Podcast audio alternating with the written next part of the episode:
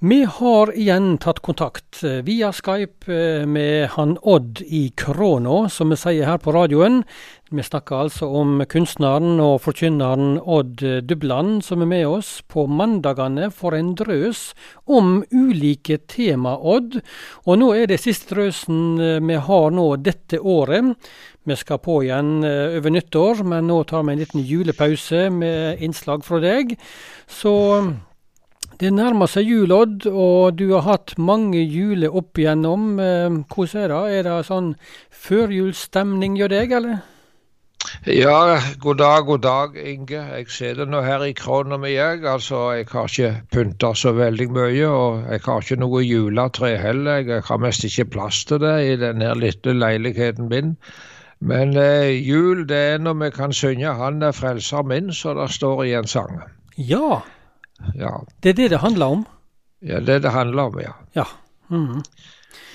Men eh, jul Der er mange tekster i Bibelen som sier noe om hva som hendte når eh, Frelseren, som du forteller om, eh, ble født. Og vi skal nå til en mann eh, som vi vel antar var en litt eldre kar, eh, som hadde venta ganske lenge, virker det som? Ja, det, det, var slik at eh, Josef og Maria de kom til tempelet i Jerusalem for å framstille Jesus.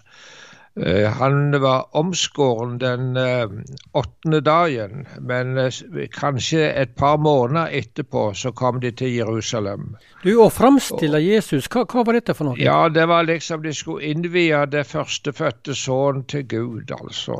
Det var det. Og det var noe som alle gjorde, så sant de kunne. Og så ofra de et par dueunger, og det viser da at de var relativt fattige folk, for det var de fattiges offer de kom med. Men de kommer der på tempelplassen, og der er det et par stykker som plutselig eh, våkner til liv. Det er en eldre mann, en betror han var eldre eller gammel, heter Simon. Han venta på Israels trøst. Og når Josef og Maria kommer med Jesusbarnet, så går han bort til dem, og så tar han barnet i armene sine. Og jeg kan tenke meg at eh, Maria og Josef ble overgitt. Du, han, han venta på Israels trøst. Hva var denne ja. Israels trøst? Ja, De hadde venta på Messias. Og så er det, når de kommer med barnet, så er det han går bort og tar de armene sine, og så sier han disse merkelige ord, at Herre, nå lar du tjeneren din fare herifra i fred etter ditt ord, for mine øyne har sett din frelse. Altså, han ser på barnet, og så ser han Guds frelse. Det er en ganske merkelig historie. Ja, for da visste han altså i sitt hjerte at dette handla om Dette var Messias? Ja, Gud hadde varsla han at han skulle ikke fare herifra før det at han hadde sett dette. Og så skjer dette på tempelplassen. Men han var ikke alene der, så og det var ei kvinne òg der.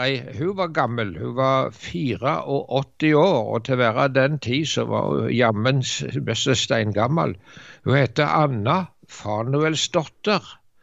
Hun var 84 år, og så, eh, når disse kommer med Jesusbarnet opp på plassen der, så taler hun til alle om barnet, de som venter på frelse for Israel.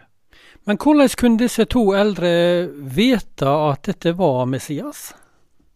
Ja, det hører til hemmelighetene, det, men uh, dette var ting som de var overbevist om. Og altså, de, de, inngår i den rekke av vitner som uh, forteller det spesielle med Jesusbarnet. Det var åtte vitner som vi har snakket om på radioen, og disse er to siste vi snakker om i dag. Du, eh, Hvordan tror du at Maria og Josef reagerte på, på at disse folkene uh, møtte de på denne måten? Ja, for det at Simon han sa noe til Maria som var sikkert òg temmelig rystende. Han sa det at også de sjel skal et sverd gjennomstinge. Altså, det ville følge smerter med dette til å være Jesu mor, og det fikk hun oppleve også Maria til å se f.eks. det at Jesus blir forkorsfesta en gang i tida. Det opplevde hun. Ja. Men du, eh, hvis vi går enda lenger tilbake i bibelsoga, til eh, historien om, Josef og, faren da Jakob, han som blir kalt for stamfaren i Det gamle testamentet. Eh, der òg ser du noe sånn link eh, opp mot det som hendte i jula, gjør du ikke det, Odd? Jo, det er en uh, merkelig sak der. Det er det at uh, det ser mest ut som at det er et forbilde på Jesus når du leser historien om Josef i Bibelen, gamle, i Det gamle testamentet. Ikke han som var regna for far til Jesus, men sønn til Jakob i Det gamle testamentet. Eh, Jakob eh, var sønn til Isak, som igjen var sønn til Abraham. Og Jakob han hadde tolv sønner og noen døtre.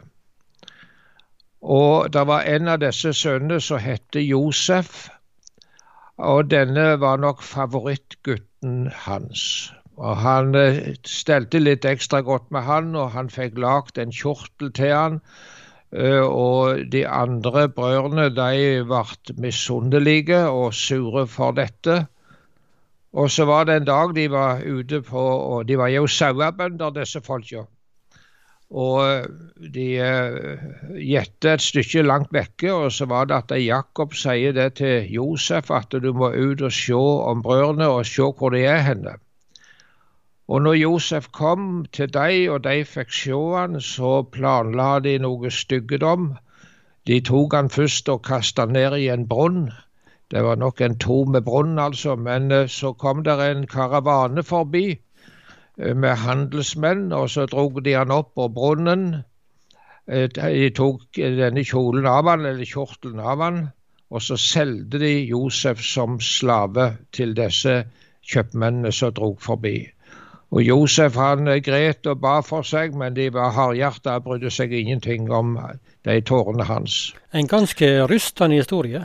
Ja, og så ikke nok med det. De, de, gjorde en ting til som var helt grusomt. Det var det at de tok denne kjolen som Josef hadde hatt på seg, og så slakta de et eh, kje, og så dypte de kjolen i blod. Og eh, sendte den hjem til faren, eh, og slik at faren skulle forstå at Josef var død og reven i hæl av et dyr. Og da Jakob fikk se dette, så datt han aldeles sammen i den djupeste fortvilelse, og han sa det, jeg må med sorg fare i dødsriket, sier han. Han mistet liksom hele livsgnisten. For Josef var liksom noe av det, det kjæreste han hadde. Men Josef var jo ikke død da. Han var kommet til Egypt. og på, Det er jo en merkelig historie, du Inge. Ja, det er han, det. For det, det, på en måte så ble Josef en, en, redning her for familien? Ja, det er det som er det merkelige. Du ser det at uh, han uh, kommer til Egypt, der han til slutt faktisk da blir finansminister hos farao. Og han klarer å tye drømmene til farao om de sju feite og de sju magre år, slik at når eh, disse åra kommer som var så veldig rike, så dynger de opp enorme mengder med korn i Egypt.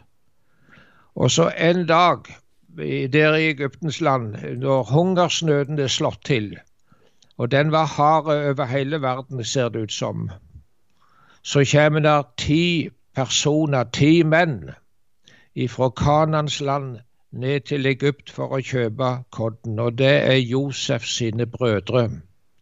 Men de kjenner han ikke, Inge. Nei, det husker jeg fra bibelsoga. De kjenner ikke igjen broren sin. Nei, dette var, det hadde gått mange år. Hvordan gikk den historien videre, da?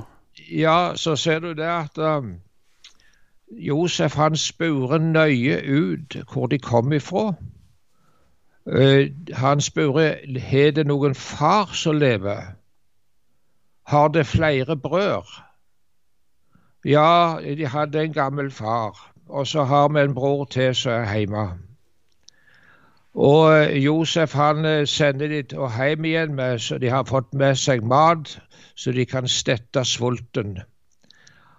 Men når det er gått en stund, så har de nå spist opp dette, da, og så sier den gamle Jakob det at de må reise tilbake til Egypt og kjøpe mer korn. Eh, og da er det at uh, en av sønnene stiger fram for far sin, og så sier han det, den strenge mannen i Egypt, altså, altså Josef. Den strenge mannen i Egypt, han sa det at vi måtte ikke vise oss framfor hans åsyn uten at vi hadde vår yngste bror med, og det var Benjamin. Det var Josefs ekte bror. Og Da ble Jakob desperate og sa ikke tale om, jeg sender ikke Benjamin ifra meg. Men så står det skrevet det at hungeren var hard. Og samme hvor Jakob så, så var det nød og død. Og til slutt så måtte han la Benjamin gå. Og så er det da til slutt at de kommer tilbake etter mye viderverdighet, og så kommer de tilbake til Jakob. De har fått med seg mat. Og så sier de det til far sin at Josef lever. Det er han som styrer i Egypt. Men så Jakob han klarte ikke å tro det. Han, eh, der står skrevet det at hjertet forblei kaldt. Han trodde ikke på det de sa. De hadde nok skrønt for far sin før, og dette var en ny løgn. Men så så han det som Josef hadde sendt med av, av ting og gods, og da sier Jakob, du store tid, Josef leve, jeg vil av sted og sjå han før jeg dør. Og de får plassert den gamle far sin oppi ei vogn, og det er en lang reis ifra Kanans land til Egypt. Men så kom de da fram, og da Josef møtte far sin, så står det skrevet det at uh, de falt en annen om halsen, og de gret lenge. Det, gjorde, det hadde vært så mye vanskelig, så mye sorg. Og Jakob han sa det at det er få og vonde har dagene mine vært. Men så sier han òg det til Josef. Nå kan jeg dø, sa han, for jeg har sett deg og vet at du lever. Og her er det en merkelig sak, du Inge. Eh, du ser det at hvis brødrene til Josef ikke hadde solgt han, så er det ikke sikkert det at de hadde overlevd hungersnøden. For det var Josef som berga de. Og han er liksom her mest et førebilde på Kristus. Hvis Jesus ikke hadde blitt forkasta og gått i døden, så hadde det ikke blitt noen frelse for oss. Det er det som er det store. Så denne historien altså om Josef og Jakob og brødrene i Det gamle testamentet, det er et uh, forbilde på, på, det som hendte med Jesus? Du kan liksom se spor av det. Du, finner, du, kan ikke overføre det helt, altså. Men jeg ser det at, at hvis de ikke hadde forkasta Josef, så hadde de ikke overlevd. Og på samme vis er dette et bilde på Kristus. Og så har du da samme med Simon i tempelet, som vi snakket litt om. Han sier det at nå lar du tjeneren din fare herifra i fred etter ditt ord, for mine øyne har sett din frelse. Og gamle Jakob han sa nå kan jeg dø, for jeg har sett deg og veit at du lever, sier han til Josef. Og så står det så fint i en sang, jeg får ta med det til slutt, du Inge. Og finner du ham i krybbens hø, som hyrder så, som hyrder så. Da eier du nok til freidig å dø og leve på og leve på. Så får vi ønske da alle ei velsigna god jul, Inge, til alle som hører på.